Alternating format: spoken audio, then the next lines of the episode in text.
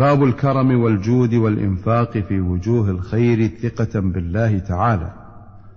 وما أنفقتم من شيء فهو يخلفه. سبأ. وقال تعالى وما تنفقوا من خير فلأنفسكم وما تنفقون إلا ابتغاء وجه الله وما تنفقوا من خير يوفى إليكم وأنتم لا تظلمون. البقرة. وقال تعالى وما تنفقوا من خير فإن الله به عليم. البقرة. وعن ابن مسعود رضي الله عنه عن النبي صلى الله عليه وسلم قال لا حسد إلا في اثنتين. رجل آتاه الله مالا فسلطه على هلكته في الحق ورجل آتاه الله حكمة فهو يقضي بها ويعلمها. متفق عليه. معناه ينبغي ألا يغبط أحد إلا على إحدى هاتين الخصلتين. وعنه قال قال رسول الله صلى الله عليه وسلم أيكم مال وارثه أحب إليه من ماله؟ قالوا يا رسول الله ما منا أحد إلا ماله أحب إليه.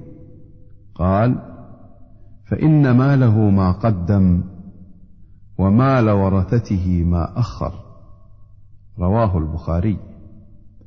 وعن عدي بن حاتم رضي الله عنه أن رسول الله صلى الله عليه وسلم قال اتقوا النار ولو بشق تمرة. متفق عليه. وعن جابر رضي الله عنه قال ما سئل رسول الله صلى الله عليه وسلم شيئا قط فقال لا. متفق عليه. وعن أبي هريرة رضي الله عنه قال قال رسول الله صلى الله عليه وسلم ما من يوم يصبح العباد فيه إلا ملكان ينزلان. فيقول أحدهما اللهم أعط منفقا خلفا. ويقول الآخر اللهم أعط ممسكا تلفا. متفق عليه. وعنه أن رسول الله صلى الله عليه وسلم قال قال الله تعالى أنفق يا ابن آدم ينفق عليك. متفق عليه. وعن عبد الله بن عمرو بن العاص رضي الله عنهما أن رجلا سأل رسول الله صلى الله عليه وسلم أي الإسلام خير؟ قال تطعم الطعام وتقرأ السلام على من عرفت ومن لم تعرف. متفق عليه. وعنه قال قال رسول الله صلى الله عليه وسلم أربعون خصلة أعلاها منيحة العنز. ما من عامل يعمل بخصلة منها رجاء ثوابها وتصديق موعودها إلا أدخله الله تعالى بها الجنة. رواه البخاري. وقد سبق بيان هذا الحديث في باب بيان كثرة طرق الخير. وعن أبي أمامة صدي بن عجلان رضي الله عنه قال قال رسول الله صلى الله عليه وسلم يا ابن آدم إنك أن تبذل الفضل خير لك وأن تمسكه شر لك ولا تلام على كفاف. وابدأ بمن تعول واليد العليا خير من اليد السفلى. رواه مسلم. وعن أنس رضي الله عنه قال ما سئل رسول الله صلى الله عليه وسلم على الإسلام شيئا إلا أعطاه. ولقد جاءه رجل فأعطاه غنما بين جبلين فرجع إلى قومه فقال يا قوم أسلموا فإن محمدا يعطي عطاء من لا يخشى الفقر وإن كان الرجل ليسلم ما يريد إلا الدنيا فما يلبث إلا يسيرا حتى يكون الإسلام أحب إليه من الدنيا وما عليها. رواه مسلم. وعن عمر رضي الله عنه قال قسم رسول الله صلى الله عليه وسلم قسما فقلت يا رسول الله لغير هؤلاء كانوا أحق به منهم؟ قال إنهم خيروني أن يسألوني بالفحش أو يبخلوني ولست بباخل. رواه مسلم. وعن جبير بن مطعم رضي الله عنه أنه قال بينما هو يسير مع النبي صلى الله عليه وسلم مقفله من حنين فعلقه الأعراب يسألونه حتى اضطروه إلى سمرة فخطفت رداءه. فوقف النبي صلى الله عليه وسلم فقال أعطوني ردائي. فلو كان لي عدد هذه العظاه نعما لقسمته بينكم. ثم لا تجدوني بخيلا ولا كذابا ولا جبانا. رواه البخاري. مقفله أي حال رجوعه. والسمرة شجر. والعظاه شجر له شوك.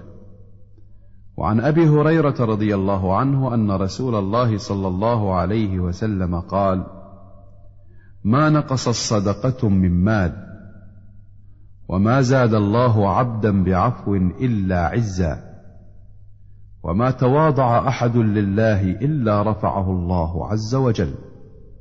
رواه مسلم. وعن أبي كبشة عمرو بن سعد الأنماري رضي الله عنه أنه سمع رسول الله صلى الله عليه وسلم يقول ثلاثة أقسم عليهن وأحدثكم حديثا فاحفظوه. ما نقص مال عبد من صدقة ولا ظلم عبد مظلمة صبر عليها إلا زاده الله عزا. ولا فتح عبد باب مسألة إلا فتح الله عليه باب فقر أو كلمة نحوها. وأحدثكم حديثا فاحفظوه. قال إنما الدنيا لأربعة نفر. عبد رزقه الله مالا وعلما فهو يتقي فيه ربه ويصل فيه رحمه. ويعلم لله فيه حقا فهذا بأفضل المنازل. وعبد رزقه الله علما ولم يرزقه مالا فهو صادق النية. يقول لو أن لي مالا لعملت بعمل فلان فهو بنيته فأجرهما سواء. وعبد رزقه الله مالا ولم يرزقه علما فهو يخبط في ماله بغير علم لا يتقي فيه ربه ولا يصل فيه رحمه ولا يعلم لله فيه حقا فهذا بأخبث المنازل. وعبد لم يرزقه الله مالا ولا علما فهو يقول لو أن لي مالا لعملت فيه بعمل فلان فهو نيته فوزرهما سواء. رواه الترمذي وقال حديث حسن صحيح. وعن عائشة رضي الله عنها أنهم ذبحوا شاة فقال النبي صلى الله عليه وسلم ما بقي منها؟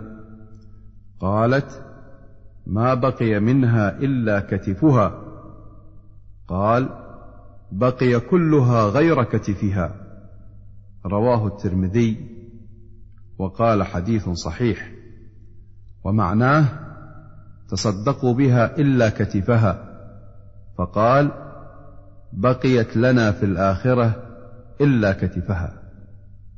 وعن أسماء بنت أبي بكر الصديق رضي الله عنهما قالت قال لي رسول الله صلى الله عليه وسلم لا توكي فيوكى عليك. وفي رواية أنفقي أو انفحي أو انضحي ولا تحصي فيحصي الله عليك ولا توعي فيوعي الله عليك. متفق عليه. وانفحي بمعنى أنفقي وكذلك انضحي. عن أبي هريرة رضي الله عنه أنه سمع رسول الله صلى الله عليه وسلم يقول مثل البخيل والمنفق كمثل رجلين عليهما جنتان من حديد من ثديهما إلى تراقيهما فأما المنفق فلا ينفق إلا سبغت أو وفرت على جلده حتى تخفي بنانه وتعفو أثره. وأما البخيل فلا يريد أن ينفق شيئا إلا لزقت كل حلقة مكانها فهو يوسعها فلا تتسع. متفق عليه. والجنة الدرع. ومعناه أن المنفق كلما أنفق سبغت وطالت حتى تجر وراءه وتخفي رجليه وأثر مشيته وخطواته. وعنه قال قال رسول الله صلى الله عليه وسلم من تصدق بعدل تمرة من كسب طيب ولا يقبل الله إلا الطيب فإن الله يقبلها بيمينه ثم يربيها لصاحبها كما يربي أحدكم فلوة حتى تكون مثل الجبل. متفق عليه. الفلو هو المهر.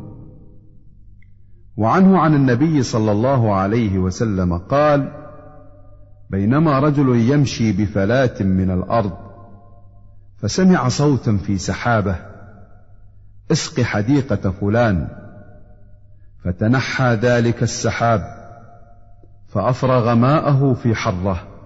فإذا شرجة من تلك الشراج قد استوعبت ذلك الماء كله. فتتبع الماء. فإذا رجل قائم في حديقته يحول الماء بمسحاته فقال له يا عبد الله ما اسمك؟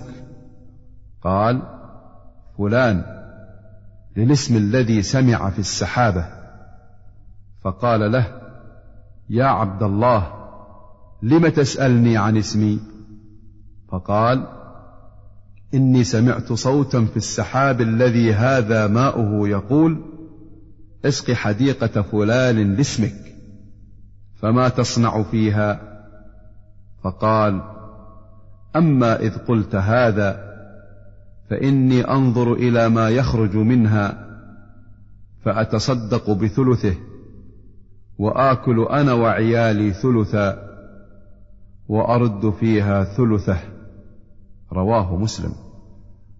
الحرة الأرض الملبسة حجارة سوداء والشرجة هي مسيل الماء.